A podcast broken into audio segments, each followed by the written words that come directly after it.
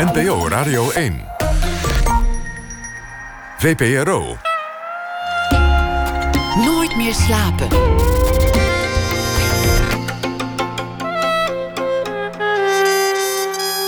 Met Pieter van der Wielen. Welkom bij Nooit meer slapen. Twee uh, zwoele dames lokten je naar binnen en achter de voordeur kon je dan luisteren naar een schrijver. Dat was de gedachte van de literaire Caravan begin jaren 90. Het was een uh, groot succes, maar de Caravan brandde af onder mysterieuze omstandigheden. Straks een uh, reportage daarover. Thomas van Aalten leest een verhaal bij het nieuws van de afgelopen dag. Maar komend uur praat ik met Jalila Essaidi, want het is in Eindhoven de Designweek volgende week ja. en zij zal daar ook exposeren. Ze is uh, kunstenaar, ontwerper, uh, biokunstenaar en ook uh, denker. Wordt gerekend tot een van de grootste denkers ter wereld. Dat is een titel die al op er is geplakt. En ze is geboren in 1980. Houdt zich bezig met tamelijk absurde dingen. Namelijk een kogelvrije huid. Die is gemaakt op basis van spinnenmelk. En ze houdt zich ook bezig met kleding gemaakt van koeienstront. Hartelijk welkom, Jalila. Nou, kleding gemaakt van koeienstront. Dat, uh, Zullen we daar beginnen of uh, zullen we het eerst over andere dingen hebben? Nee, dat is goed. Alleen het is geen spinnenmelk, maar uh, synthetische spinnenzijde van genetisch gemodificeerde geiten. Oh ja, hebben we het oh straks verder over. De, die hebt, via de geit, je hebt een, een, spin als het ware een geit laten bevruchten. En daar komt een materiaal uit dat je kunt gebruiken. Ja, die, die geiten zijn genetisch gemodificeerd, waardoor ze het gen met zich meedragen. Uh, wat verantwoordelijk is voor een bepaald type draad wat de spin produceert. En die. Uh, spinnenzijde wordt als een extra proteïne in de melk geproduceerd. Dus melk bestaat uit proteïne. Daar, daar werd je meteen beroemd mee. Dit, dit haalde het nieuws over de hele wereld. En, en daarmee was, je, was jouw naam eigenlijk gevestigd. Met, ja, uh, met ja, die het huid. was uh, direct na het afstuderen. Dus, dus wel meteen uh, hop, vanuit de schoolbank direct een, een groot project wat veel aandacht trok. Maar het was hartstikke leuk om te doen. En die kleding gemaakt van, van, van koeienmest. Ja, hoe, hoe ziet dat ja. eruit? Dat is, het ziet er gewoon uit alsof je een jurk aan hebt. Je ziet, je ziet niks eraan. Nee, het, het voelt en, en gedraagt zich gewoon als, als een uh, viscose of een rayon. En uh, wat ik eigenlijk doe, um, de koeienmest bestaat voor een groot deel uit cellulose. Dus eigenlijk het gras, soja, mais wat de koeien eten. En uh, uit de natte fractie van de mest halen we de proceschemicaliën. Dus bijvoorbeeld de zuren waarmee je die cellulose omzet tot cellulose afgeleiden. Dan krijg je een soort van pulp en een cellulose acetaat. En dat kan je dan verwerken tot uh, papier, karton, uh, bioplastic, maar ook dus tot textiel. En uh, ja, textiel wordt normaal gemaakt uh, van olie of uh, hout of katoen. En uh, ja, mest is een, een, materiaal wat we zien als een afvalstroom, maar wat eigenlijk heel waardevol, omdat het bestaat voor een groot deel uit cellulose. En ja, hoe we nu onze huidige textiel maken, is door hele bossen aan te planten, katoenplantages te beginnen. Dus aan, het is een beetje een kromme wereld. Aan de ene kant ben je een bronmateriaal, een ruw materiaal wat je gebruikt, aan het vernietigen. Aan de andere kant ja, verniel je dus complete gebieden uh, tas je de natuur aan uh, door het kappen en uh, het groeien van katoen. En het mesteoverschot is een probleem waar iedereen al decennia mee in het haar zit. Ja. Hoe komen we van die mest af? Dus, dus in die zin is het eigenlijk een briljante oplossing, potentieel. Uh, Mestic heeft heel veel uh, potentie. We zijn ook uh, druk bezig om binnen twee jaar de eerste fabriek te hebben staan. om van koeienmest ja, die ruwe grondstoffen te maken en te produceren. Om daar uiteindelijk textiel van te maken. Um, ik, ik, ik denk heel erg dat wij de afgelopen jaren heel erg in specialisme zijn beland. in de diverse hokjes. Terwijl uh, wat we nu eigenlijk doen, je kijkt naar het mestproblematiek. En uh, dat is uh, een vervuilende industrie. En aan de andere kant heb je de textielindustrie, wat ook eigenlijk enorm vervuilend is en de aarde aan het uitputten is. En je verbindt die industrieën. Dus het ene probleem lost het andere probleem op die manier op. Dus het gaat heel erg over kijken naar het grotere geheel en kijken waar de verbindingen zitten. En, Gewoon over de hekken en muren heen kijken. Ja, precies. Verbinden, dat is eigenlijk jouw vak. Jouw vader was ook al een soort van uitvinder. Wat, wat deed Ja. je vader? Ja, die werkte bij Philips eh, Medical System. En eh, nou ja, ik ben zelf opgegroeid eh, in een nest waar ja, mensen met verschillende achtergronden altijd langskwamen. Was altijd heel gezellig. Dus je had dan wetenschappers, filosofen, kunstenaars. En leerde dus eigenlijk al op hele jonge leeftijd dat er verschillende visies zijn. En eh, om samen te werken, dat je ook in elkaar moet inleven, moet snappen wat elkaars belangen zijn. En ja, op die manier leer je al heel jong eh, hoe je een samenwerking moet aangaan, hoe je met verschillende disciplines eh, kan communiceren.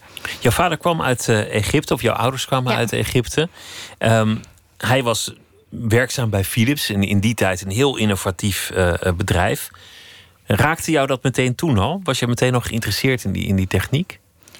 Eh, eigenlijk niet. Maar ik was wel een kind wat eh haar eigen speelgoed altijd uit elkaar haalde. Omdat ik altijd wilde weten waarom de dingen waren zoals ze waren en hoe dingen in elkaar zaten.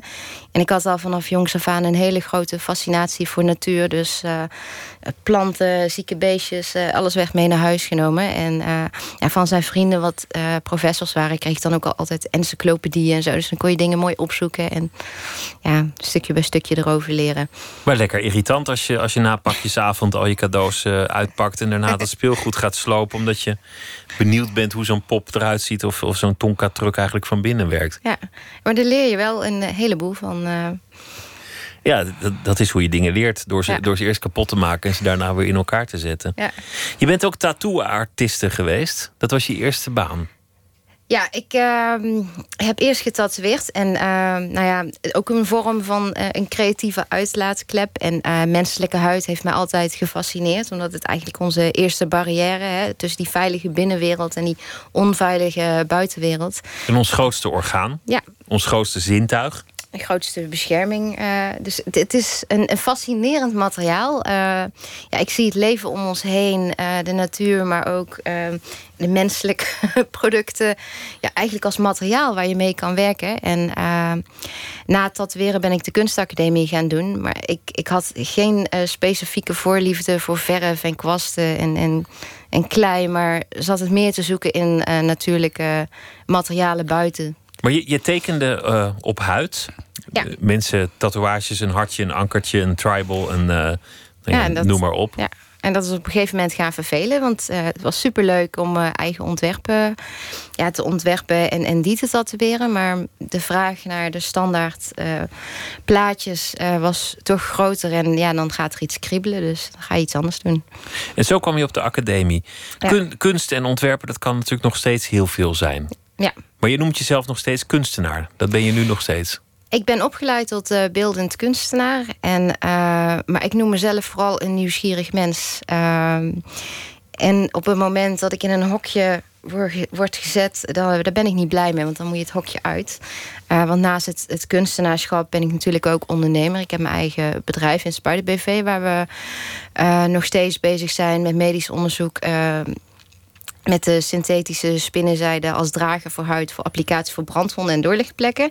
En Mestic wordt nu ook eigenlijk eh, commercieel eh, verder uitgewerkt. Dus dat is al uit het kunstdomein. Dat, dat eh, zoekt al meer een toepassing.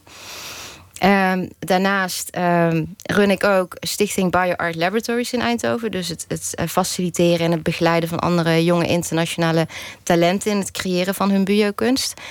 Ehm, dus het zijn vele petten die je op hebt. En elke dag eh, leer je weer iets nieuws. Vandaag stonden we bijvoorbeeld eh, midden in de bouw. eh, BioArt Village die we aan het opbouwen zijn. Dus ja, elk moment switcht die pet en, en ben ik met andere dingen bezig. Van de, van de kunst richting het ontwerpen, de wetenschap, het, het ondernemen, de medische sector. Ga zo maar door het bouwen Ja. van, een, van een eigen laboratorium. Het, het, het dendert maar voort en je weet eigenlijk ook zelf niet waar het precies naartoe leidt. Er is niet een plan van tevoren. Jawel, ik, eh, BioArt Village, eh, dat is nu ehm, het, het grote ding wat ik aan het oppakken ben, is anderhalve hectare. Klinkt heel groot, maar het klinkt ook tegelijkertijd heel klein. Maar dat is bijvoorbeeld wat ik voor mezelf heb vastgesteld. Dit is de maximale grootte die mijn stichting eh, mag worden. Qua mankracht, gebouwen en alles. Ehm, met Mestic, eh, uiteindelijk, ik ga geen fabrieken runnen. Dus eh, die patenten zullen uitrollen in licenties voor andere stakeholders om, om daarmee verder te gaan. Dus er zit natuurlijk wel een, een plan in, het, in, het, in het geheel. Uh, tot hoever. En uh, dan moet er weer een ruimte ontstaan waar iets nieuws kan ontstaan.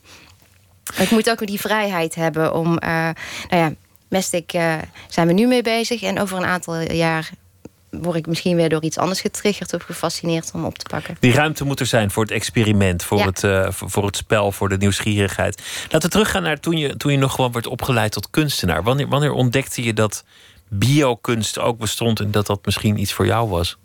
Nou, ik was een stront eigenwijze leerling op uh, de kunstacademie. Want we waren net verhuisd naar een nieuw gebouw. Dat was nog spierwit met allemaal perfecte witte tafeltjes en schone gangen.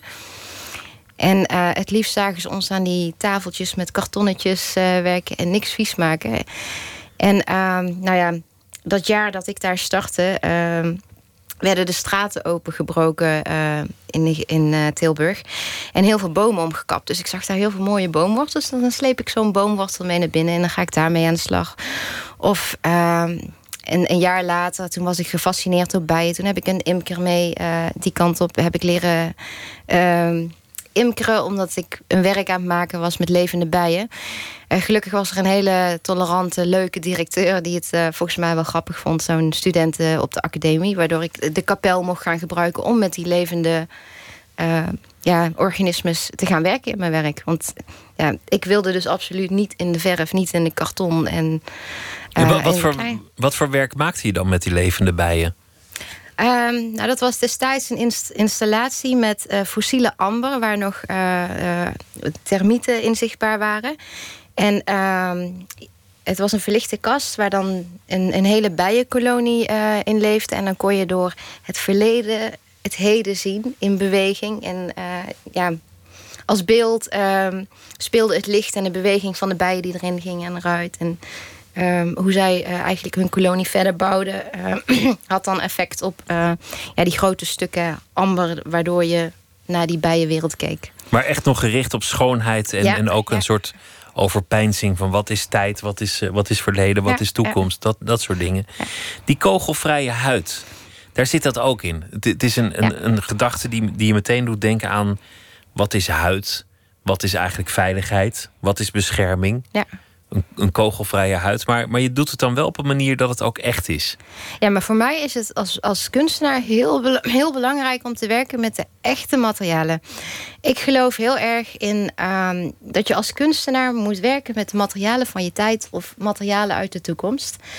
Um, we hebben nu biotechnologie. Biotechnologie maken we eigenlijk allemaal gebruik van in ons leven. En uh, die gaat een grotere rol spelen ook in de toekomst. Dus waarom zou je niet gebruik maken van de materialen die je vandaag de dag uh, tot je beschikking hebt? En, um, of kunt hebben, want soms ja. zijn die materialen er nog helemaal niet. Ja, klopt. Maar in je werk, uh, tenminste in mijn werk, ik ben heel erg bezig met, met het stukje verleden natuurlijk, want daar moeten we van leren, maar het heden, maar ook vooral de toekomst. Wat, wat brengt die toekomst ons? En wat betekent die ene ontwikkeling in de biotechnologie voor ons als mensheid? Is dat een rol die dadelijk enkel weggelegd is voor uh, ethici en wetenschappers? Of, of heeft de samenleving daar ook een zeg in? En hoe ja, wat vinden wij daarvan? Waar zit uh, kogel weer in de huid? ging vooral echt over die dualiteit. Hè? Uh, ook weer die binnenwereld die heel veilig is. Maar als je dan uh, naar buiten kijkt, vliegvelden, noem maar op. Het is de gordel in de auto. hoe ver wil je gaan om je werkelijk veilig te voelen? En wanneer voel je je veilig en waar heeft dat mee te maken? Het heeft ook te maken met, met. Ik las vroeger altijd heel graag stripboeken, nog steeds trouwens met, met de jaloezie op de natuur. Een spin kan allemaal dingen die wij ook wel zouden willen. Kijk naar, naar Spider-Man. We willen eigenlijk alles jatten van, van de beesten, allerlei eigenschappen. Klevende voeten, tegen de muur op kunnen lopen, van kleur veranderen. Ja, ja ik, ik zie het niet zozeer gescheiden, want uh, wij zijn ook natuur. Hè? Het, het, het, het creëren van, van technologie, het omarmen van technologie, het verder brengen, dat is mens en mens is ook natuur. Uh, maar bijvoorbeeld als we kijken naar het geval van de synthetische spinnenzijde. Uh, wij als mensheid bedenken zoiets als staal. En dan kijk je naar spinnenzijde, die dan tien keer sterker is dan staal door een uh, combinatie van materiaaleigenschappen. Het is, heeft een hoge breekpunt, maar het is ook enorm flexibel. Ja, die natuur, uh, nou ja, dat stukje natuur heeft miljoenen jaren van trail en error doorlopen. En ja, heeft zich kunnen vormen tot dat materiaal. Ja, wat wij waar wij natuurlijk naar verlangen. Het is een materiaal wat je als samenleving wil in je kleding, in, in, in je producten. Omdat het zoveel ja, beter is. En, en het is lichter en. en het heeft bijzondere eigenschappen. Het is ook wel geprobeerd, maar dan, dan, dan liepen de mensen ook altijd aan tegen het probleem dat een, een spin niet een heel tam dier is. En, en dat spinnen onder elkaar het nooit heel gezellig hebben. Dus dat, dat je ook heel veel spinnen moet houden om een beetje zijde bij elkaar te, te, te verzamelen. Ja, het, het zijn vaak de dames. Hè. Uh, ik, ik kweek ze ook in het lab. Um, het is de uh, Golden Orbeaver. Uh, komt uit tropische klimaten. De mannetjes zijn piepklein trouwens. Hè. Die moeten zorgen dat ze niet in de klauwen van het vrouwtje komen. Maar ja, dat zijn hele cannibalistische en territoriale spinnen. En, uh, Jij bent niet bang voor spinnen? Nee, ik, ik hou van mijn spinnen. Ja, okay. Nou Prachtige wezens. Maar uh, uh, 18e eeuw bijvoorbeeld uh, had je in, in Frankrijk heuse spiderfarms. En daar hadden ze hele ingenieuze apparaatjes ontwikkeld om de spinnen te melken. Dus dan werden de spinnen vastgezet en dan werd dat draad langzaam opgewonden. maar natuurlijk is dat ja, heel interessant, maar niet effectief om uh, voldoende materiaal voor een samenleving te produceren. En dat is wanneer uh, biotechnologie interessant wordt. Want door middel van die genetisch gemodificeerde geiten kun je meer materiaal produceren, omdat je dan gebruik kan maken van bestaande industrieën. Geiten gebruiken we al uh, in de industrie. Dus je moet eigenschappen van de spin toevoegen aan de geit. Ja. En dan maakt de, de geit die maakt spinrag of spinnenzijde. Die maakt die extra proteïne in de melk die je dan later door elektrospinning weer tot een draad kan maken. Maar er zijn niet alleen genetisch gemodificeerde geiten, maar ook genetisch gemodificeerde zijdewormen, alfalfa, uh, uh, schimmels, bacteriën. Uh, elk jaar komen daar weer dingen bij. Hoe, hoe weet jij dat allemaal? Want je, je hebt een kunstopleiding. Dus, dus jij moet dan en passant moet je al die biotechnologie je ook maar even eigen maken. Ja, maar ik, ik, ik ben enorm nieuwsgierig en ik vind het ontzettend leuk om te leren. En uh, uh, ik, ik, lees graag uh, wetenschappelijke artikelen en ik hou graag. bij wat er zich allemaal ontwikkelt. Want het gaat echt razendsnel. We krijgen het niet altijd allemaal mee in de samenleving. En ehm, ja, het, het, dat gaat zo snel. En um, de ontwikkelingen uh, die, die komen op een bepaald moment uh, op een punt dat we ze ook gaan toepassen. Alleen communiceren wij er dan bijvoorbeeld niet meer over. En dan zit het wel in ons voedsel. En dan weten we er niks van of het zit in het voedsel van onze dieren, de koeien die we later eten. Of het zit in onszelf. Dat, ja. dat is ook een mogelijkheid.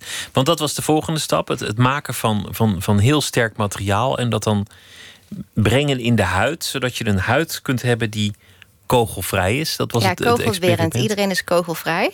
Uh, tot, je, tot je wordt neergeschoten, ja. ja. Kogelwerend. Ja. Uh, nou, wat we hebben gedaan, we hebben die synthetische spinnenzijde uh, verwoven tot een matrix... waar menselijke huidcellen op hebben kunnen groeien.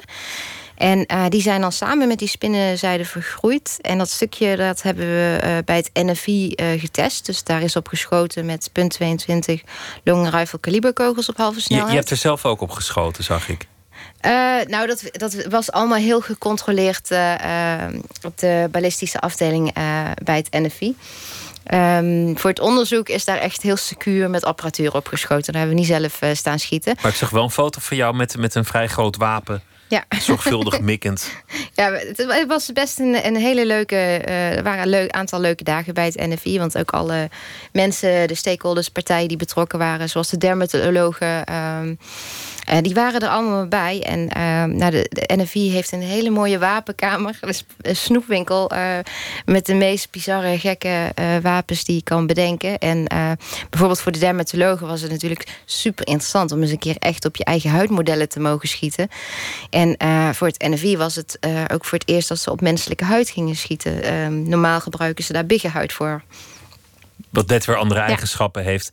Maar als je, als je schiet met een, een, relatief kleine kogel op een relatief langzame snelheid, dus halve snelheid ja. ongeveer. Dan is die kogelwerend. Dus, dan, na, dan, is die, uh, dan kunnen vier laagjes synthetische spinnenzijde in, uh, die in vitro, dus buiten het lichaam gekweekte huid, um, um, die worden dan niet gepenetreerd door de kogel. Maar de impact van een kogel is natuurlijk veel meer dan dat. Als je die huid bij je zou dragen, dan zou je nog steeds uh, verwond raken, want je botten en je organen uh, die kunnen de impact niet aan. Maar je kunt zeggen het was kogelwerend. Ja. En dan, dan gebeurt er iets mafs. Want het begon als een soort gedachte-experiment met de vraag: wat is eigenlijk veiligheid? Ja. Wanneer ben je veilig? Stel je hebt een kogelwerende huid, voel je je dan veilig? Maar er kwam meteen allerlei interesse, ook begreep ik, van, van de Amerikaanse defensie. Ja, um, op het moment uh, dat het heel erg uh, door de media opgepakt werd, uh, kwamen er natuurlijk allerlei verschillende partijen op af.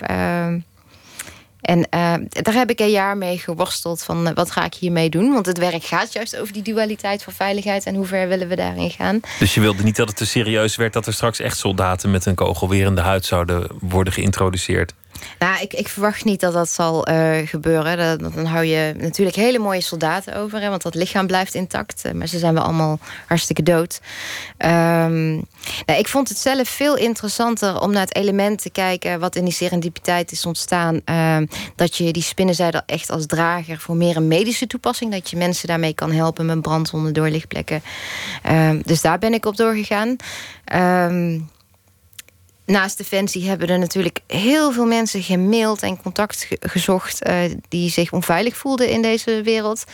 Uh, wat eigenlijk ook wel een lastige was, want uh, ja, het werk was een kunstproject. Het was niet bedoeld als product van dit, dit maar, gaan maar we die naar de voelden zich onveilig door de vele mogelijkheden. Die dachten spinrag uit een geit in de huid. Wat voor wereld leef ik in? Nou, het, ging verder dan dat. Ik, ik had op een gegeven moment ook uh, uh, mailtjes van meisjes uit Afrika... die dan vroegen van, kan zo'n huid ook tegen verkrachting gebruikt worden? Zulke dingen. Of moeders die uh, kinderen hebben met een ernstige huidziekte... die dan vragen van, kan je mijn kind daarmee helpen? Dat, en, en daar, dat zijn daar heftige mails. Dat zijn de heftige mails. Uh, maar dat is dan ook een, het schakelmoment waarvan je denkt van ja, maar het is een kunstproject. Het is niet een, een toepassing. Maar vaak uh, ja, worden dingen toch zo opgepikt uh, dat het een andere richting op gaat. En in het geval van Defensie is dat ook. Maar je, je noemt al serendipiteit. En dat, dat, dat beginsel, dat is hier natuurlijk mm -hmm. van toepassing. Dat je iets doet waarvan je de uitkomst niet kon voorspellen. Maar ja, je bent gewoon een, een beetje maf kunstproject aan het doen. Omdat je vragen stelt, een fascinatie hebt. Je weet ook nog niet waar je uit gaat komen. En dan kom je ineens bij een ontzettend gewild en nuttig iets. Bij, bij een fantastische ja. innovatie uit. Ja, het, het, was naast een gedachte-experiment natuurlijk ook een materiaalonderzoek. Hè, want daar ligt mijn fascinatie meestal ook. Het, het, het werken met uh, de werkelijke materialen. Um, wat was je vraag? Nou, nee, het was eigenlijk geen vraag. Het was een constatering dat, ja. dat het, het nutteloze soms ineens heel nuttig blijkt. Ja, dat je, dat je die ruimte daarin. moet bewaken. Ja. Dat is eigenlijk ook wat, wat, uh, wat ik doe met, met uh, BioArt Laboratories. Uh, is die inspirerende omgeving um, beschikbaar stellen... waarin deze toevallige ongelukjes kunnen ontstaan. En, en die ongelukjes die gebeuren juist met de ideeën die vaak niet realistisch, niet, niet uh, van deze tijd, niet van deze planeet zijn. Uh, dus ja, het, het, is ook weer dat buiten die hokjes treden, buiten de disciplines en op die onbewandelde paden gaan wandelen. In, in materialiteit, in gedachten, in alles. En, van de tien dingen die er gebeuren of die we doen lukken er negen niet. Maar dat is dan een mooi leerproces. En dan net die ene is dan hetgene wat misschien ook nog een een, een toepassing kan hebben, wat heel veel uh, dingen van, nut kan voorzien. Het, het, zijn de bekende voorbeelden van penicilline tot kwantummechanica uh, die gewoon ontdekt worden door toeval of klunzigheid. Of, uh... of verbindingen weer herzien. Want dat is het vaak. Vaak zijn dingen toch echt heel verweven met elkaar en hebben ze meerdere lagen. Alleen is dat nog niet aan de oppervlakte zichtbaar totdat je het doet. En terwijl je het doet, kom je erachter van... oké, en, en dit en dit en, dit en daar kun je het voor gebruiken... en dit element kun je eruit pakken. Ben je ook iemand die, die uh, hoopt op mensverbetering? Je hebt, hebt zo'n hele beweging, ik geloof dat het transhumanisten zijn onder meer, die, die hopen de mens te veranderen tot een, tot een nog betere soort. Ik denk dat dat mens eigen is. Dat, dat wij altijd blijven uh, niet per se sleutelen aan onszelf. Maar natuurlijk onze technologie, de innovaties. Als je om je heen kijkt, eh, als je leest wat er allemaal gebeurt. Wij zijn constant bezig met, met uh, onszelf verbeteren, het leven verlengen. Uh, we nemen paracetamol, antibiotica, we worden ouder. Uh, Bedragen lenzen. Ja, en sowieso, ik, ik geloof niet meer dat je daar nog een rem op kan zetten. Want als iets mogelijk is bijvoorbeeld in de biotech. Um, dan gaat het sowieso gebeuren. En daarom is het heel belangrijk dat we met elkaar in gesprek gaan. En, en dat ook de kunsten daarin een, een rol nemen om het, om het uh, zichtbaar te maken, om het uh, mee te communiceren. Het is iets wat ons allemaal aangaat. Want het is er en het gaat veel meer worden in de toekomst. Maar dat, dat is wel interessant nu, het punt waar je nu bent, dat je eigenlijk twee, twee rollen door elkaar hebt. Je wil het bevragen ja. En je bent een voortrekker erin. Ja. Eigenlijk ging het jou erom van, goh, kijk eens wat er mogelijk is. En, en niemand heeft het er ooit over. De, de kunstenaar die, die, die de vraag stelt. En nu, nu ben je zelf ineens de grote innovator. Ja, dat is de dualiteit, hè? Ja. Onverenigbare rollen eigenlijk. Ja, maar het zijn ook eigenlijk onverenigbare disciplines. Want wetenschap is eigenlijk heel exact. Op het moment dat je met, met uh, biologie, met leven werkt, uh, het gaat allemaal volgens protocollen, het gaat volgens regeltjes. Uh, in de kunst heb je dat veel minder. Daar, daar doe je maar wat. Of, of daar kun je nog uh, veel meer experimenteren.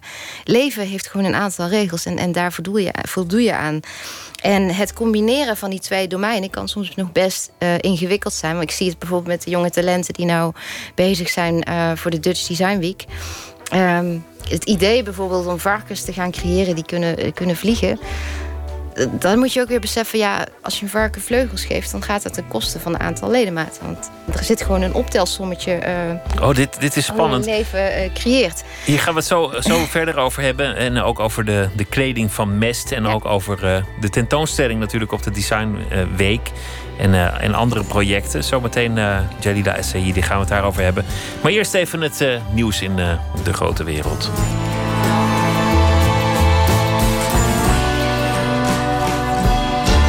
Op Radio 1, het nieuws van alle kanten.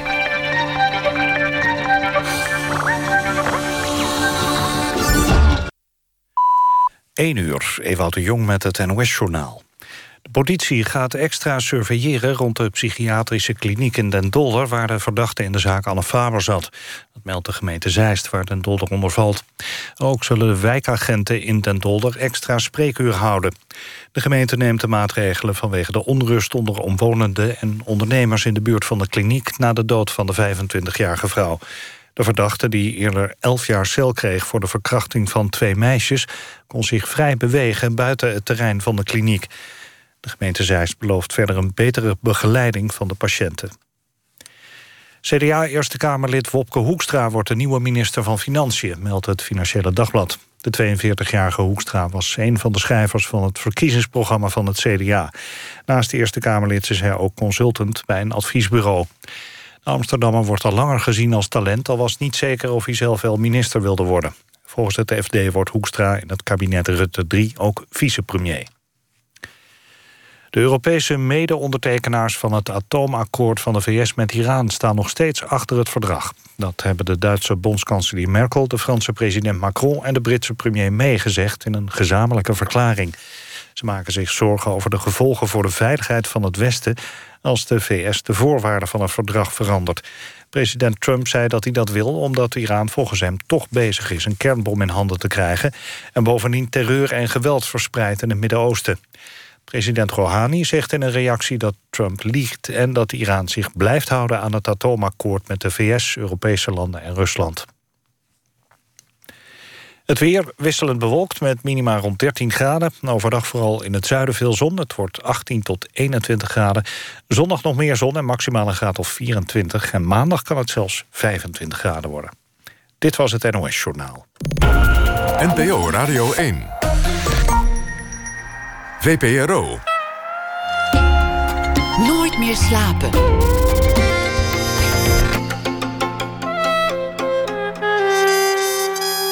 Met Pieter van der Wielen.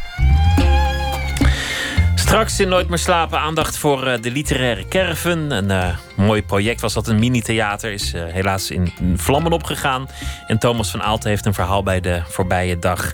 Maar nu praat ik verder met Jalila Essaidi vanwege de Designweek in Eindhoven. En zij is biokunstenaar, ondernemer en ontwerper van biotechnologische nieuwe materialen. We hebben het al gehad over de kogelwerende huid gemaakt op basis van, uh, van spinnenzijde. Die via een geit tot ons is gekomen. En die daadwerkelijk werkt, want het is getest bij het NFI. Door er een kogel op af te vuren. Een uh, toepassing die nu waarschijnlijk uh, gebruikt zal gaan worden voor brandwonden en doorlichtwonden. Althans over een tijdje. Maar dat. Blijkt toch een heel mooi nieuw materiaal te zijn. Nu, nu komt de anekdote die, die, ik, die, ik, die ik hoorde waar ik ontzettend om moest lachen die waarschijnlijk helemaal niet waar is. Maar als het niet waar is, moet je het gewoon niet zeggen, omdat het zo'n grappige anekdote is. Dat, dat jij wilde iets voor elkaar krijgen bij de gemeente, een vergunning voor, voor, voor een oh, lab. Nee, bij de provincie. Bij de provincie, ja. nou daar gaan we al. En, en uh, de provincie Brabant dan waarschijnlijk. Ja. En, daar, en daar stond je dan. En toen zei die, die ambtenaar, die, die zat te mopperen. En die mopperde iets van, nou, als je dan zo goed bent, uh, verzin eerst maar een oplossing voor het mestoverschot. Ja, zo is het wel gegaan. Echt waar? Ja, ik, uh, nou ja, ik wilde een aantal van die genetisch gemodificeerde geiten naar uh, Nederland halen. Alleen loop je dan tegen wetgeving aan. Uh, daar zijn we nogal streng in hier in Nederland. In biotechnologie ja. mag niet zomaar. Ja, en dat was echt bedoeld om makkelijker toegang tot materiaal, zodat we meer materiaal hadden om te onderzoeken. Um, maar goed, toen ben ik uh, flink uh, bezig gegaan uh, met lobbyen. En um, om die geiten te kunnen houden in Nederland... heb je natuurlijk de boeren nodig, de stallen. Maar aan de andere kant heb je ook de beleids ehm, uh, makers uh, nodig. Dus ik was in gesprek uh, bij provinciehuis Noord-Brabant. Van, nou, ik, ik, wil graag die geiten hier naartoe halen, maar ik loop tegen wetgeving aan. En op dat moment werd in Brabant het nieuwe coalitieakkoord gevormd. Het is alweer twee jaar geleden. En de boeren en, en de bestuurders stonden daarin nogal lijnrecht tegenover elkaar. want de, ja, de bestuurders wilden wetgeving maken wat niet zo heel fijn lag bij de boeren. En nou, daar ontstond dat dus. En hij heeft mij in feite uitgedaagd. Hij zei, nou, als jij iets doet aan, aan de mestproblematiek... nou, dan krijg je vanzelf al die stakeholders aan tafel... en, uh, en dan kunnen we verder praten over die geiten.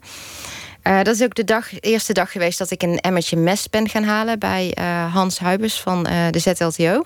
Die kende ik. En ehm, dat is per toeval koeienmest geworden... omdat hij koeien houdt.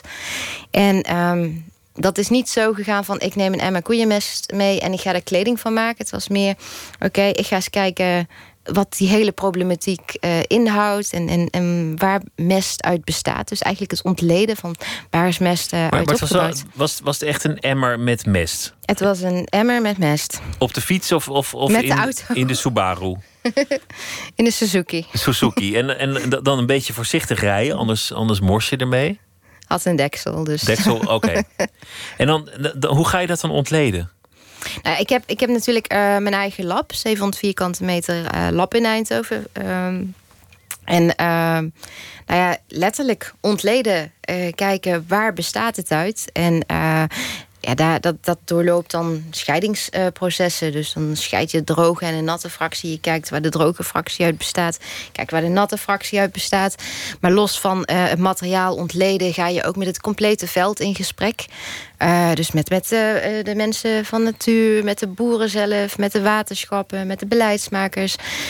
met andere bedrijven. kijken wat is de stand van de huidige technologie.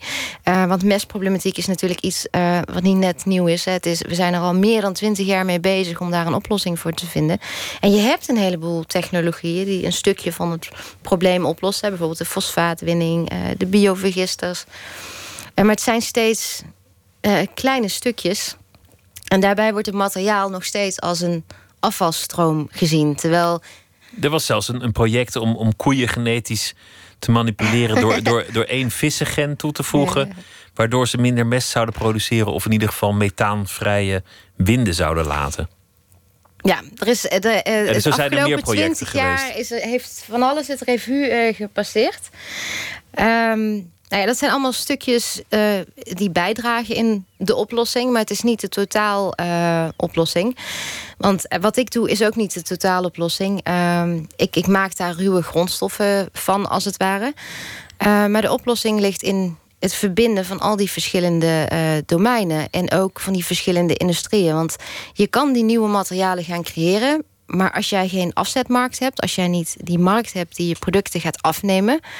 En uh, het beeld daarin ook verandert. Hè, dus niet meer zien als afvalstroom, maar als waardevolle toestroom uh, in je productielijn.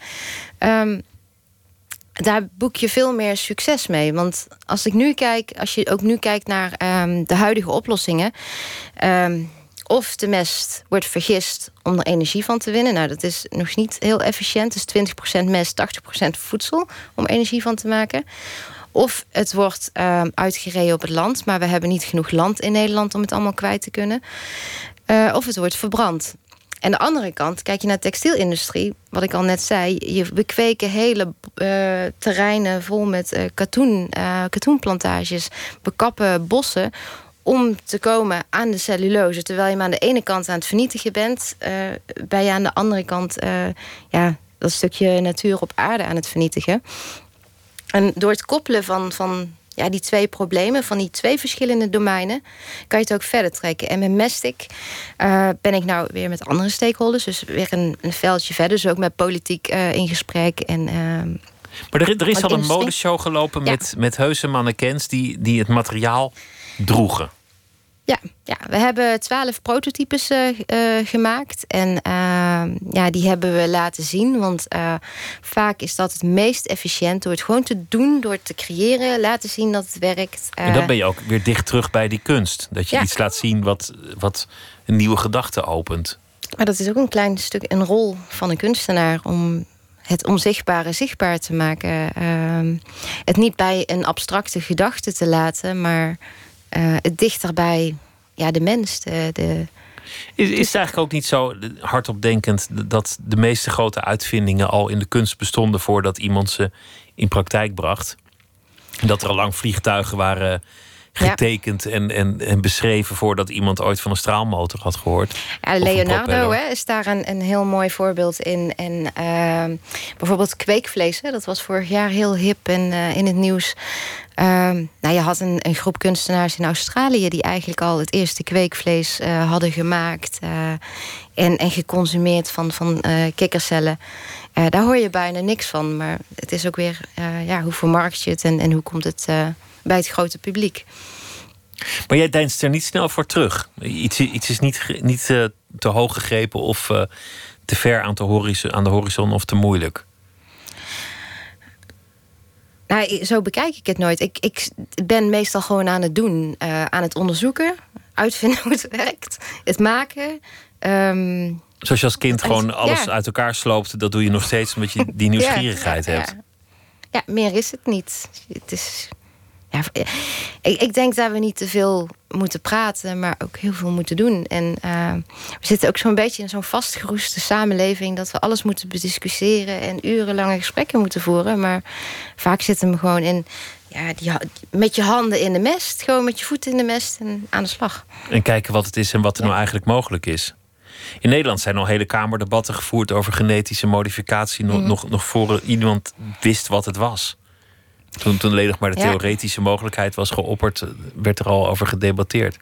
En toch zijn wij daar uh, nog niet zo heel uh, voorlopend in, heel innovatief in. Uh, als je kijkt naar Amerika, ja, daar hebben ze veel grotere stappen al gezet.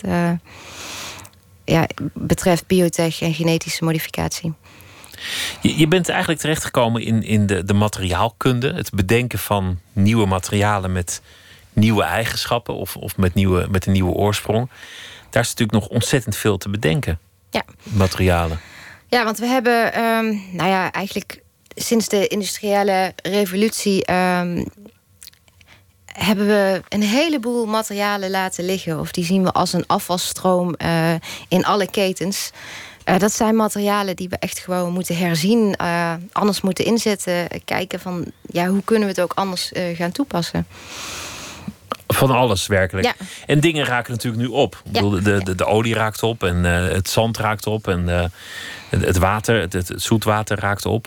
Dus, dus er is ook wel vraag naar. En er is noodzaak. Innovatie. In Nederland hebben we ook sinds kort het, het Nationale Grondstoffenakkoord. waar echt heel veel bedrijven hebben meegetekend. Omdat zij ook zien dat het klimaat, de wereld.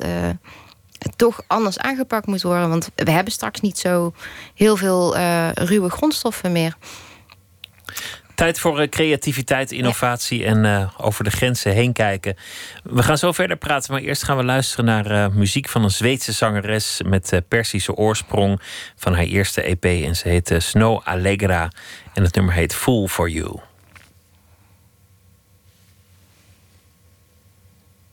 It's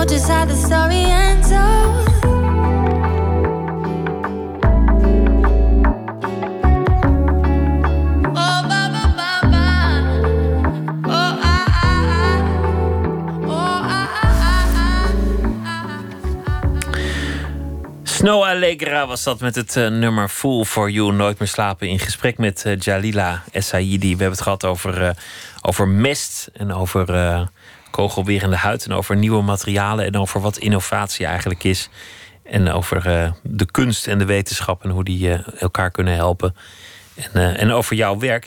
Je bent, je bent bezig nu met die tentoonstelling op de Dutch Design We- Week. Maar je bent ook bezig met de ehm, verhuizing en verbouwing van je eigen Ja. laboratorium. Een soort droomproject. En met Mestic natuurlijk. En met Mestic. Maar Ja. het is een, een oude Duitse bunker. Die, die, die nu van jou is. Nou, het is anderhalve hectare grond met daarop eh, vijf Duitse bunkers vermomd als eh, boerderijen in Heimerstelde.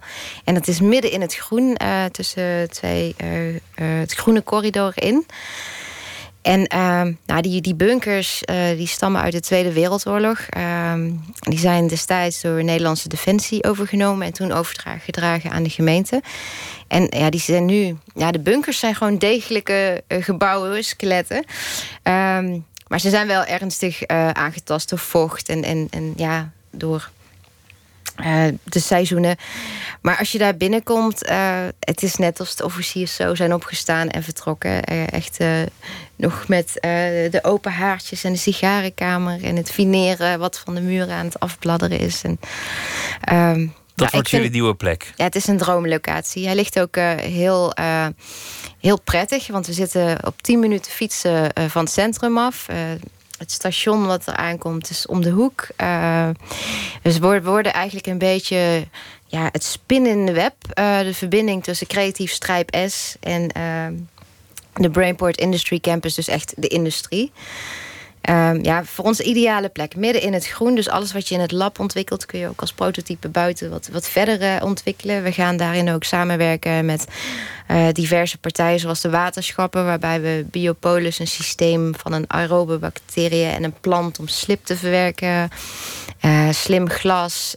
Um, het tree antenna, uh, daar gaat een moederboom komen. Dus het communiceren via levende bomen op een non-invasieve manier. Uh, vier van de bunkertjes gaan ingezet worden voor uh, de Talent in Residency program. Omdat we nu binnen BioArt Laboratories, wij krijgen uh, meer dan 40 aanvragen per jaar van mensen van over de hele wereld. Uh, die dan eigenlijk tot nu toe via Airbnb's in Eindhoven overal op de bankjes verspreid zaten. Maar nu echt ook een plekje hebben om drie maanden aan hun werk uh, te werken, heel dicht op het lab.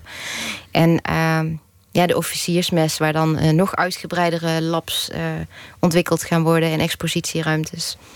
En in jullie huidige lab, uh, daar, daar, zitten dan allemaal verstandige mensen bij elkaar. Maar jullie hebben ook een, ik vergeet altijd de naam, een, Mexicaanse larfsalamander. Ja, de die nooit, axolotls. De axolotls. En ja. het, het, je, moet, je moet het even googlen en, en het plaatje zien. Het mafste dier dat je in dit leven zult zien. Ja, het, is, het, het oogt heel uh, buitenaards. Uh, maar het zijn uh, natuurlijk hartstikke mooie, interessante wezens. want stel, zij verliezen een poot... dan kunnen ze die gewoon compleet regenereren met zenuwstel en al. Die groeit gewoon weer aan? Ja, die groeit gewoon weer aan. En het zijn diertjes die in de wetenschap... Ehm, vooral onderzocht worden voor straks misschien een toepassing... bij dementie of Alzheimer... door die regeneratie die ze kunnen ehm, doorlopen. Uh, voor ons zijn het vooral eigenlijk een soort van huisdieren en uh, educatieve organismes. Want we doen ook uh, bioart educatie met het wat jongere volk. Dus de young ambassadors, dat zijn de kinderen van 8 tot 11 en van 11 tot 16. En zo'n beest, dat spreekt natuurlijk meteen tot de verbeelding. En op die manier heb je dus een inspirerend ja, organisme wat triggert, waardoor je de diepte in kan gaan en ook uh, leert je vakken te verbinden. Want hij, hij, kan 30 centimeter groot worden als hij, als hij een beetje als doorgroeit. Krijgt, ja. Hij kan zomaar van, van geslacht veranderen als hij er zin in heeft. Ja. Gewoon, gewoon als het zo uitkomt, als, het, als er vraag is naar het ander, dan wordt hij het ander. Ja. Ze planten zich voort door het mannetje die heeft een pakketje met zaad. Die hij met een dansje voor het vrouwtje neerlegt en zij brengt het bij zichzelf in. Over innovatie gesproken.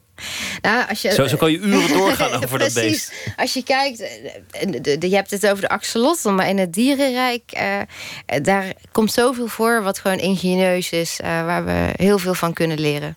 Het zijn ook kannibalen, de, de, de axolotls. Ja, ja, ja. Ze eten Ze eten, ja, en hun kinderen en alles, ja. Maar, maar jullie doen daar niet iets mee. Dit is, dit is gewoon nee. eigenlijk nog een soort, soort hobby dat jullie, dat jullie dat beestje daar hebben. En daarnaar kijken met een soort van: goh, ja, dat zouden wij ook wel willen. Dit zou ook nog wel eens wat kunnen worden voor ons. Uh, vooral eigenlijk met het educatieve doel in ogen hebben we ze daar staan. En ze zijn natuurlijk hartstikke leuk om naar te kijken. Maar um, ja, voor de jonge generaties is dit natuurlijk iets, iets inspirerends. Iets wat triggert, wat buitenaards is. Waardoor je jezelf ook... Um, uh, waardoor je jezelf ook verder wil verdiepen. Dan wordt leren ook leuk. Dus ja, die inspirerende omgeving. Want alles moet, moet leuk zijn uiteindelijk. Dat is, dat is wel een gedachte die erin moet blijven zitten. Nou ja, in het leven is niet alles leuk. Uh, maar uh, dat ze inspireren en triggeren uh, is wel uitgangspunt. Wat, wat voor mensen heb jij inmiddels aan boord? Want, want je hebt mensen die bij jou zijn komen te werken. Er is ook Mhm. geld. Je hebt een prijs gewonnen. Eh, een innovatie award, mede door H&M mogelijk gemaakt van de textielindustrie. Ja, Dat was anderhalve ton, geloof ik, aan, eh, aan eurotjes. ja voor Mestic eh, bestemd. En, en zo, zo zijn er nog wat meer eh, bronnen, bedrijven die met je in zee gaan. Ja. Wat, wat, voor, wat voor sfeer hoop je te creëren? Wat voor mensen hou jij binnen? Nou, de, de mensen en, en het bedrijfsleven, de organisaties die op ons afkomen, ehm, die, die worden met de jaren steeds diverser. Want toen ik zelf, is nu alweer zes jaar geleden begon, toen was het eigenlijk zo'n beetje dan. Wat ben je aan het doen? Het past niet in een hokje. En je bent of het een of het ander. Maar dat, dat wordt nu veel meer eh, omarmd en geaccepteerd. En ook in het onderwijs zie je dat gebeuren. Hè? Dat dat crossover, bijna een containerbegrip, eh, ja, onderdeel eh, ervan moet zijn. Want dan kun je innoveren. Ehm, ja, de, de mensen die ik graag in mijn lab eh, heb, die ook eh, overblijven, zijn de mensen die nieuwsgierig zijn, eh, openstaan voor samenwerken, die niet in onmogelijkheden denken, maar in mogelijkheden, die ook mee die verbindingen zoeken. En nou ja, die groep is steeds groter aan het worden en dat, dat vind ik prachtig. zowel in het onderwijs, het bedrijfsleven, de jonge de- talenten. In de wetenschap is, is het heel lang eigenlijk een, een beetje overkomen dat alles werd gescheiden in faculteiten, vakgroepen. En dan, ja, je komt in zo'n bedrijf en dan staat er al scheikunde naar links Ja. en natuurkunde naar rechts en biologie op de tweede verdieping. En nu hebben ze waarschijnlijk nog een bordje erbij hangen. Crossover innovatie naar boven. Want, want die dingen zijn natuurlijk in praktijk helemaal niet gescheiden. De, de, de grenzen tussen natuur, schei en, en bi- biologie, dat is, dat is allemaal niet heel scherp te trekken. Ja, wat ik al zei, alles is eh, verbonden. Maar ik, ik wil niet zeggen dat specialismes niet goed zijn. Want we hebben die specialismes nodig. Bijvoorbeeld die kogelwerende huid. Die eh, heb ik met een heleboel mensen samengemaakt. Ik heb dan het idee. En, en getoetst van dit stukje heb ik nodig en dit stukje heb ik nodig. Maar ik heb niet alle kennis in huis over eh, dermatologie. Nou, dan heb je die dermatologen die specialist zijn op hun gebied. Die dat stukje van de puzzel kunnen leggen. En Jij bent de verbinder. Jij bent Ja. degene die alles bij elkaar brengt en eh, over, over de grenzen heen kijkt. Hoeveel, hoeveel uur werk schat je gemiddeld in, in een week? Hoe, hoeveel uur zit er in zo'n eh, werkweek? Nou, ehm, nou, de laatste maanden eh, is het volgens mij zeven dagen in de week. gewoon van, van, van zes tot elf en dan weer doorknallen. Zes uur 's ochtends tot elf uur 's avonds. Ja. Zeven dagen in de week. Ja, en dan elf uur dan kom je thuis en dan doe je nog je mail en administratie.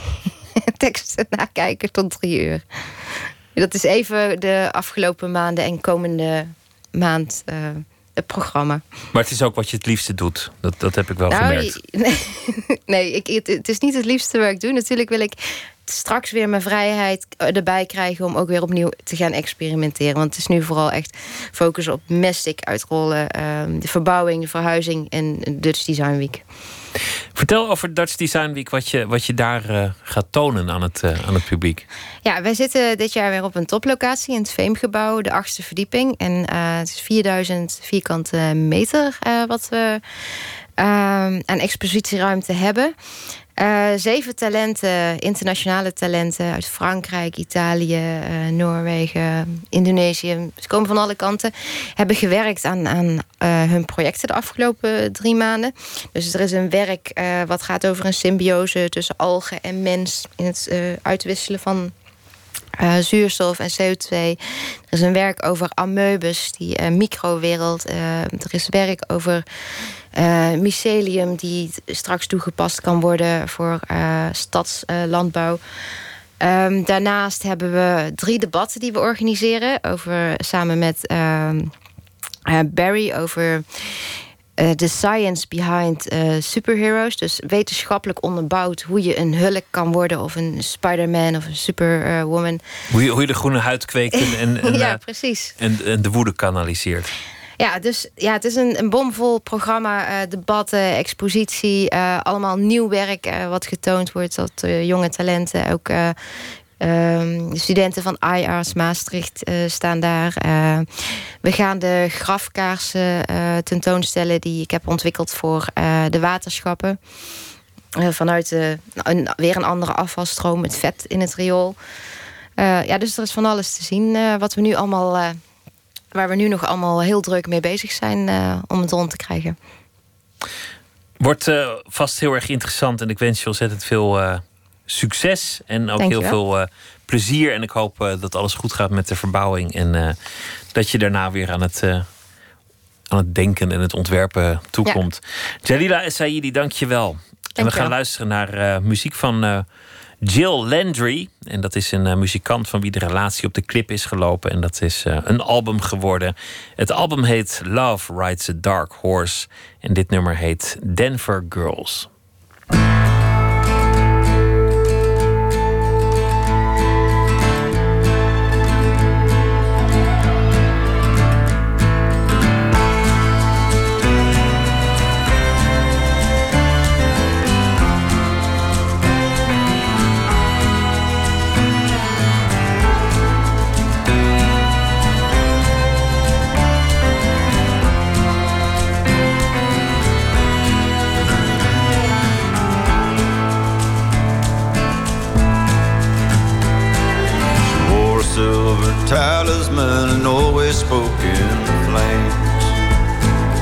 Found me on the road half dead looking for a change. Said, hey, broken hearted man, quit standing in the door. If it's not paradise now, tell me what you're waiting for, don't you know? There is no evermore. She told me of her new sound of passing trains. She tied me to that motel bed, left me to call her name, and you know I've never been the same. With those eyes like faded jewels and that crooked country smile. That Denver girl struck me down a rough and ragged mile, and you know it sure was worth the while.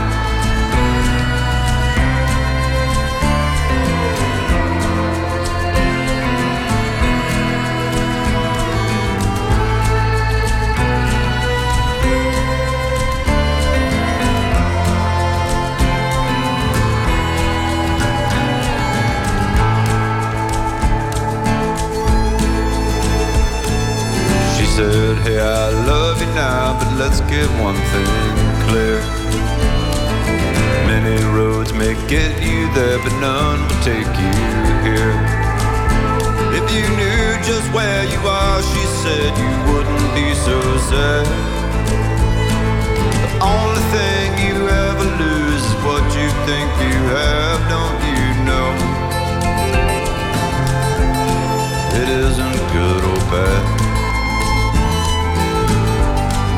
sang a lonesome ballad. Like Nehemiah Curtis James That Denver girl stole my heart with every song she sang And you know I've never been the same. Oh, those eyes like faded jewels and that crooked country smile. That Denver girl struck me down a rough and ragged mile, and you know it sure was worth the while.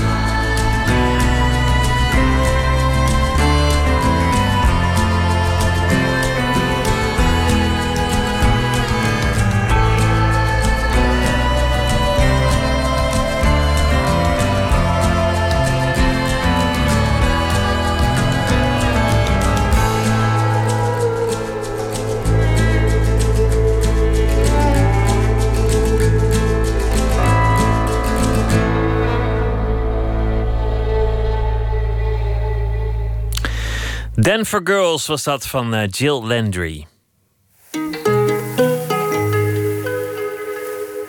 Thomas van Aalt is deze week onze vaste schrijver. Elke dag deze week heeft hij een uh, verhaal voorgedragen bij het nieuws van de dag ervoor. En ook uh, vannacht zal hij dat doen. Thomas, goeienacht. Goeienacht. Vertel eens wat je, wat je vandaag heeft bezig gehouden. vandaag heeft het nieuws mij bezig gehouden van uh, nieuws over vampiers.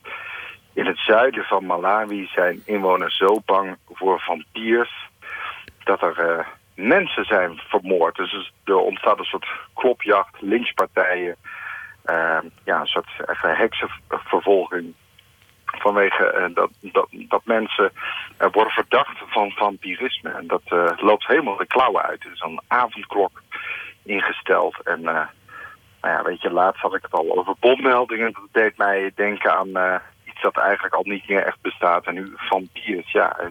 In Zuid-Malawi krijgt het een exotisch tintje. Maar ineens kreeg ik het idee van... Wat als een, uh, als een vampier gewoon ja, ergens op een industrieterrein bij een, een, meubelboulevard zou, zou bestaan. En daar heb ik mijn, mijn verhaal voor vandaag op geïnspireerd. Ik ben benieuwd.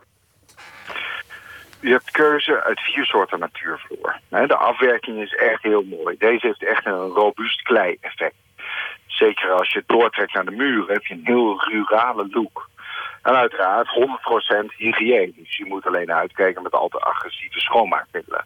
Het blijft toch een natuurvloer. Dave werkte nu op de kop af drie jaar bij de sanitair gigant. Begonnen als stagiair, daarna als zaterdagkracht. Na twee jaar kreeg hij een badcontract. Zijn baas Leendert Mantinga beschouwde hem echt als een verkooptalent. Dave deed het vooral goed bij de optionele extra's. Met de standaardbadkamers kon iedereen wel verkopen, maar op de extra's zat de hoogste marge. Bij de verkooptraining sprong hij eruit. In zijn certificaat had, je, had hij een extra aantekening van de trainer gekregen. Kijk, en de stortdouche is helemaal van nu zei Dave enthousiast terwijl hij naar de bleke hals van de klant keek.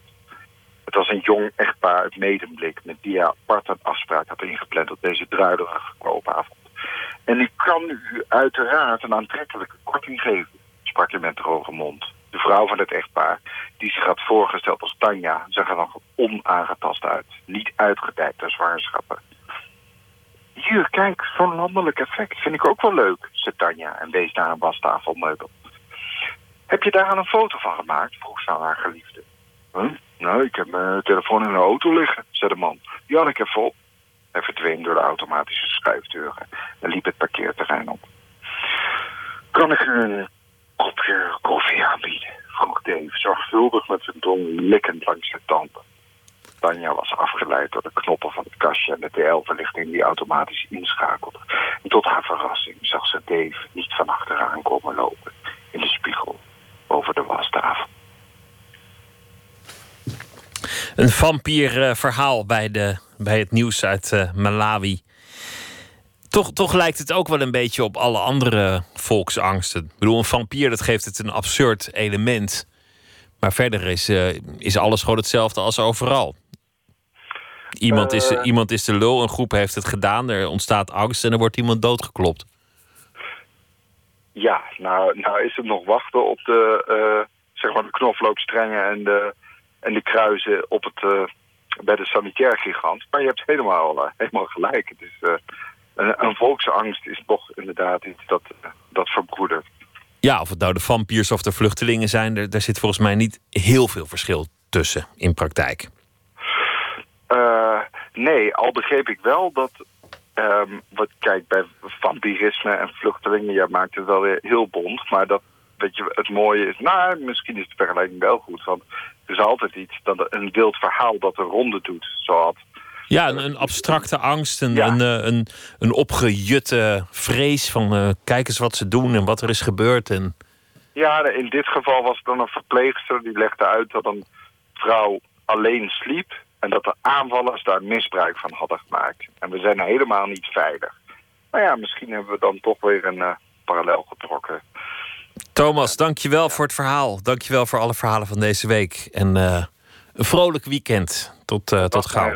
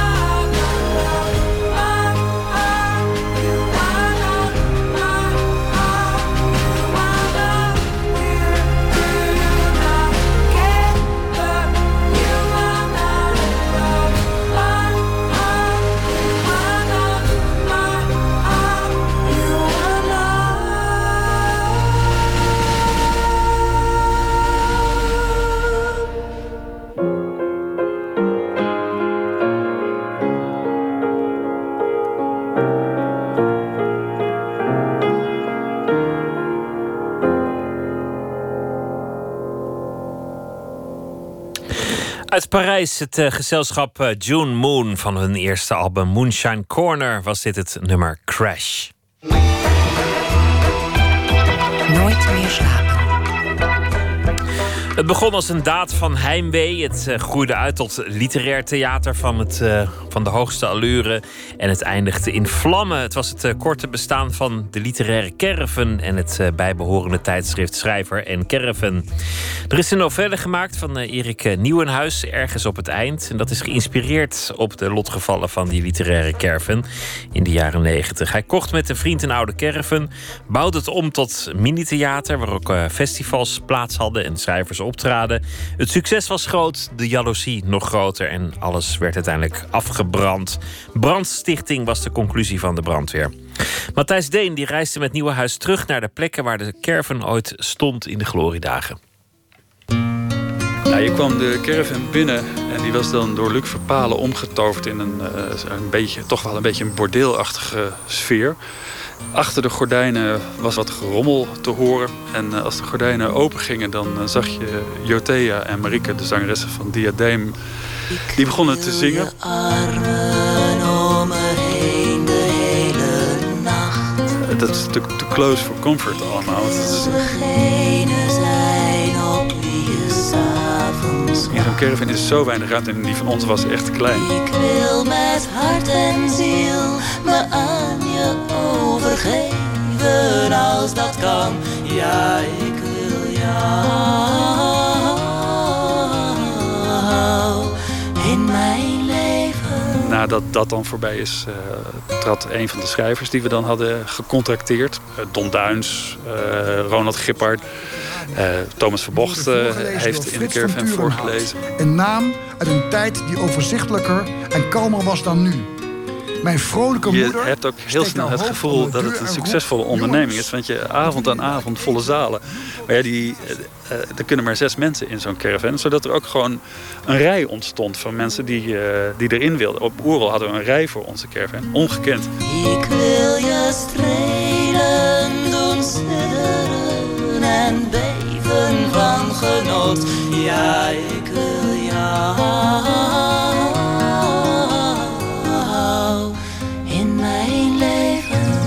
Het was een gouden formule. Een caravan. Die nu en dan als reizend literair theater de festivals afging. Maar die daarbuiten ergens op een lommerrijke plek werd geparkeerd en daar dienst deed als rustig onderkomen voor schrijvers die zich wilden afzonderen. Om grote dingen te verrichten, literatuur te scheppen. In het bijbehorend blad, Schrijver en Caravan, konden die schrijvers en dichters hun gedichten en verhalen publiceren. Steeds meer mensen hebben in de afgelopen jaren de weg gevonden naar de caravan. Die allang niet meer alleen in de zomermaanden wordt gebruikt, maar het hele jaar door. Het is geen toeval dat de bedenkers, waarvan Erik Nieuwenhuis er een was, hun toevlucht namen tot de caravan. De jaren 90 waren net begonnen, de studie was net afgerond. En het angstaanjagende idee dat de tijd van maatschappelijke verantwoordelijkheden en betaalde betrekkingen was aangebroken, dreef hen terug naar de troost van hun jeugd. De plek van geluk waar nog niks hoefde. De caravan. Een caravan kopen is nu eenmaal een familiezaak. Bij een caravanfabriek op een bedrijventerrein in Hogeveen... omringd door rijen en rijen caravans... komen de geluksherinneringen hard bij Nieuwenhuis boven. Eh, absoluut, zo is het ook begonnen. Ik was op de terugweg uit, eh, uit Enschede.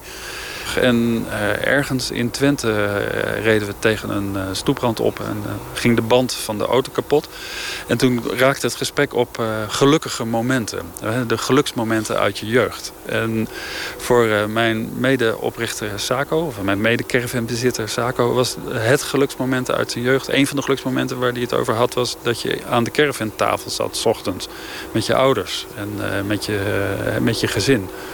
En ehm, daar is eigenlijk het idee ontstaan. In de auto tussen, tussen Enschede en Groningen dachten we van ja, als we, misschien valt dat wel terug te halen, dat geluk. En bovendien wilden we natuurlijk allebei schrijver worden. En eh, merkten we dat in, het, eh, in Groningen, waar de kroegen nooit dicht gingen, daar slecht aan toe kwamen. Dus we hadden een soort idyllisch beeld ook om die caravan buiten de stad neer te zetten.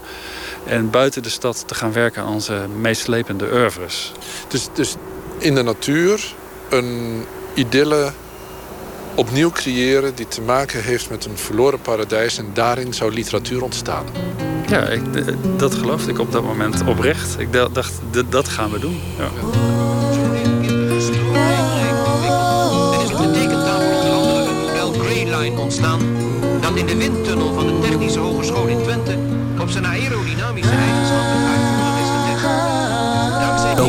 tragisch verhaal kent niet alleen zijn lichte momenten... waarin alles alleen maar bergop lijkt te gaan... maar voor de goede verstaander ook de vooraankondiging van het onheil. De eerste standplaats van de literaire caravan... was een familiecamping in Engelbert, een gehucht even buiten Groningen. De caravan stond er vlak aan de waterkant. Er was een kantine met uitstekende kroketten... en wie dat wilde, kon een duik nemen. Zelfs nu op een herfstige, winderige oktober onder de ruisende bomen... gaat er nog steeds een sterke aantrekkingskracht uit van die plek. Dus het was eigenlijk een heel, echt een campingparadijs. Was toch de bedoeling om te gaan schrijven? Ja, dat was de aanvankelijke bedoeling. Maar eh, al heel snel kregen onze vrienden in de gaten dat eh, we waren niet meer in het café. En eh, waar, waar hingen die eigenlijk uit? Nou, hier bij die zwemplas. Het was eh, 1994, was ook een hele hete zomer. Een, hele mooie zomer. Dus iedereen verkaste naar hier. En voor we het wisten hadden we een soort status van een zuipkeet.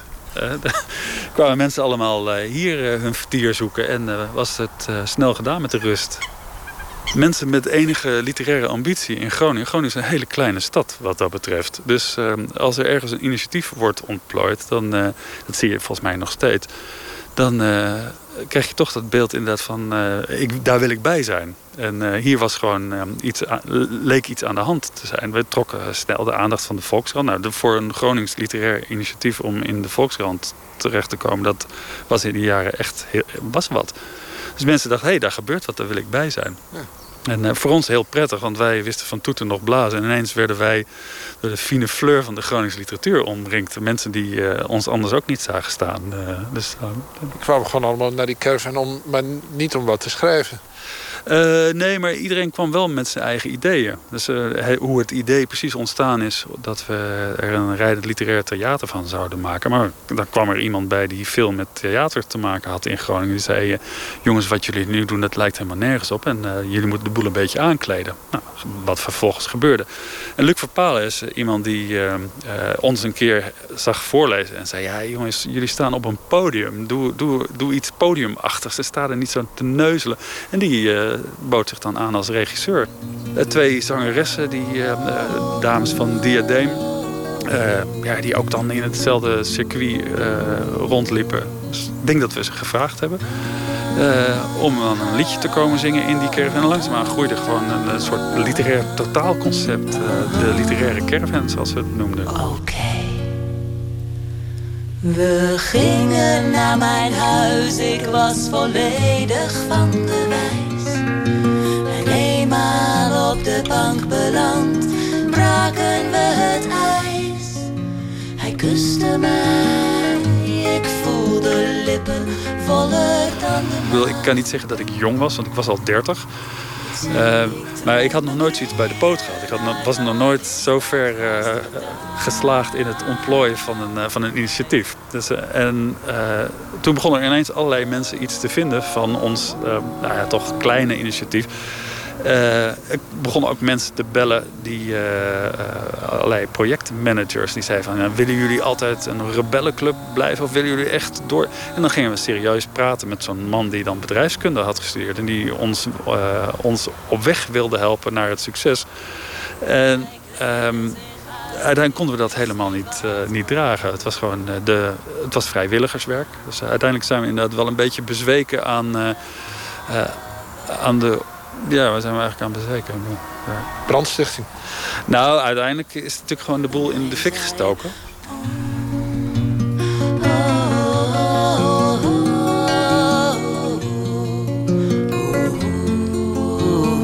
Het einde van de caravan kwam niet in Engelbert, maar even buiten het iets verder van Groningen afgelegen Onne. De sterk in omvang toegenomen redactie had op vlucht voor alle onrust de caravan verplaatst naar de camping De Fruitberg. Hier zou hij nog een tijd dienst doen als wijkplaats voor heuse schrijvers. Maar het onvermijdelijke gebeurde. De redactieleden werden één voor één door de maatschappij weggerukt. Ze kregen banen, ze verhuisden en het werd een beetje stil rond de caravan. Tot die ene fatale nacht in 1998. Ik was op mijn werk. Ik werkte op dat moment eh, voor de Stichting Schrijven, een stichting voor amateurschrijvers in Nederland. En de telefoon ging en eh Saco zei: Ik heb, zoals Saco eh, dan altijd zegt, ik zal maar meteen met de deur in huis vallen. Eh, de caravan is afgebrand.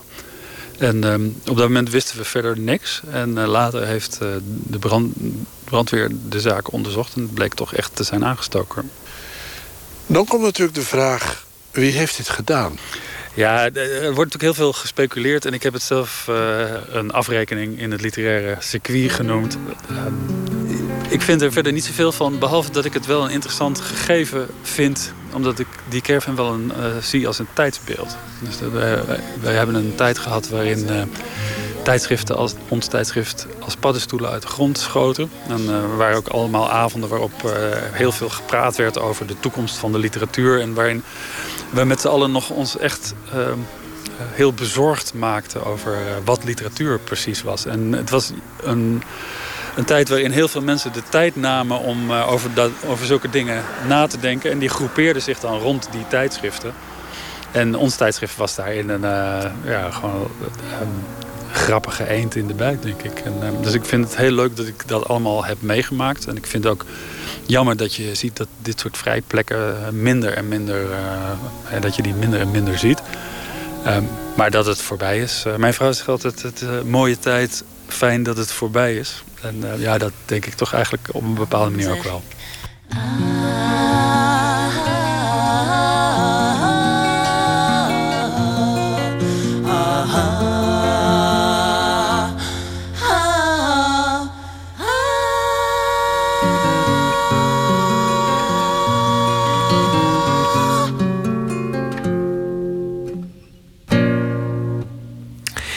Erik Nieuwenhuis over de lotgevallen van de literaire caravan. Het eh, boek heet Ergens op het Eind. Er is een nieuw album van eh, Robert Plant, alweer zijn elfde, Carry Fire. En dit nummer heet Bluebirds Over the Mountain.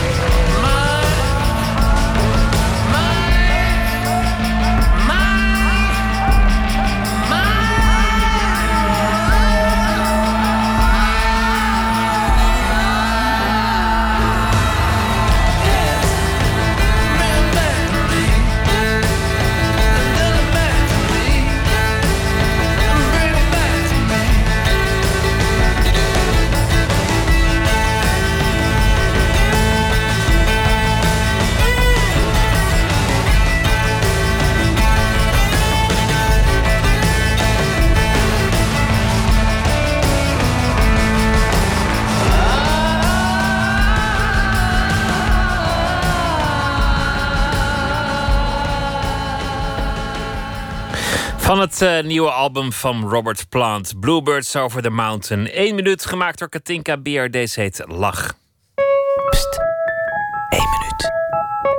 Mensen vinden mijn gelach of heel erg leuk, of ze storen zich eraan. Ik heb mensen ontmoet die er gewoon helemaal niet uit kon staan.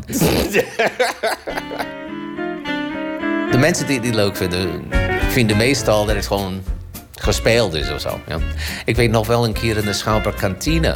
die iemand eh, mij aanvloog, min of meer, over... eh, ja, ja, gelachen.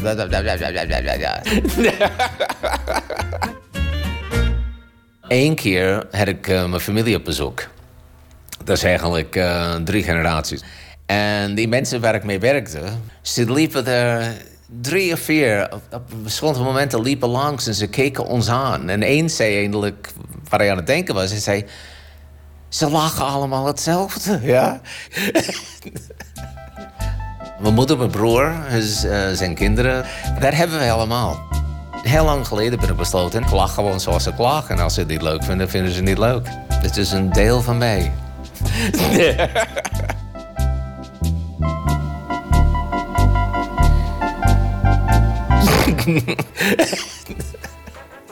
Eén minuut gemaakt door eh, Katinka Beren. En dit was Nooit meer slapen tot eh, maandag. En zometeen kunt u luisteren naar Malou van der Vara met De Nacht van de Radio. Goeienacht.